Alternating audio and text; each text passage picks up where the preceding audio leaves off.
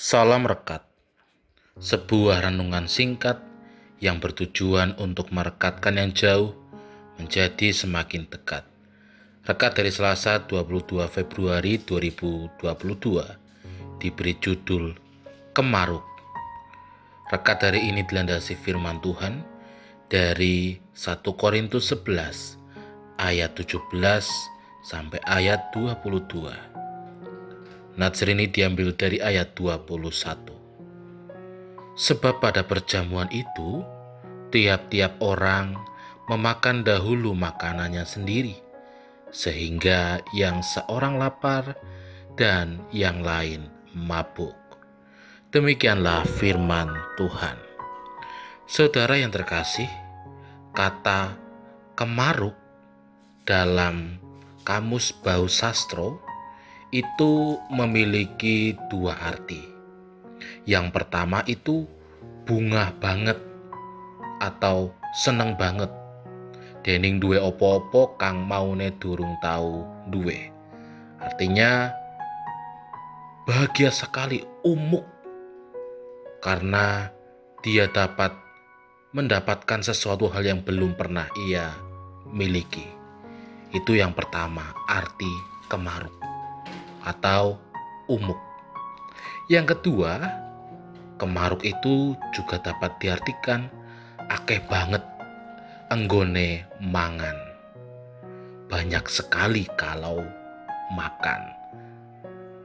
Nasinya banyak, sayurnya banyak, lauknya banyak sampai menggunung untuk menggambarkan peristiwa yang terjadi dalam kehidupan jemaat Korintus.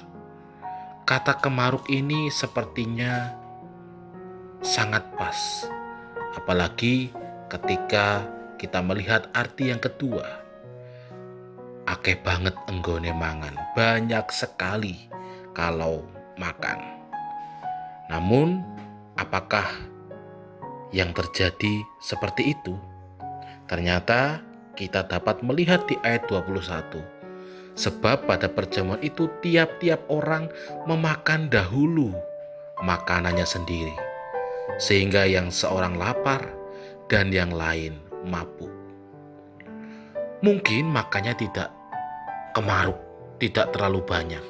Tetapi ternyata kehidupan Jemaat di Korintus pada waktu itu hanya mementingkan dirinya sendiri, hanya mementingkan perutnya sendiri, sehingga yang terjadi adalah ada yang lapar, tetapi ada yang kekenyangan atau mabuk.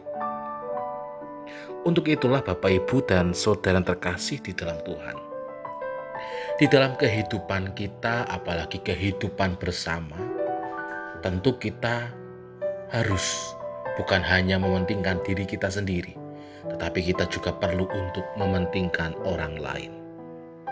Janganlah kemaruk dalam segala hal, bukan hanya tentang makanan, tetapi tentang kebersamaan.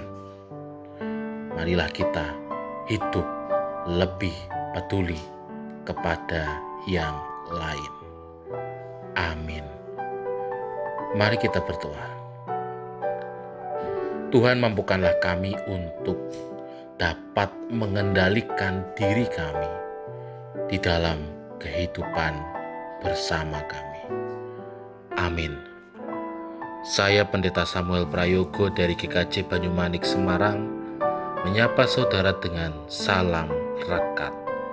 Sebuah renungan singkat yang bertujuan untuk merekatkan yang jauh menjadi semakin dekat.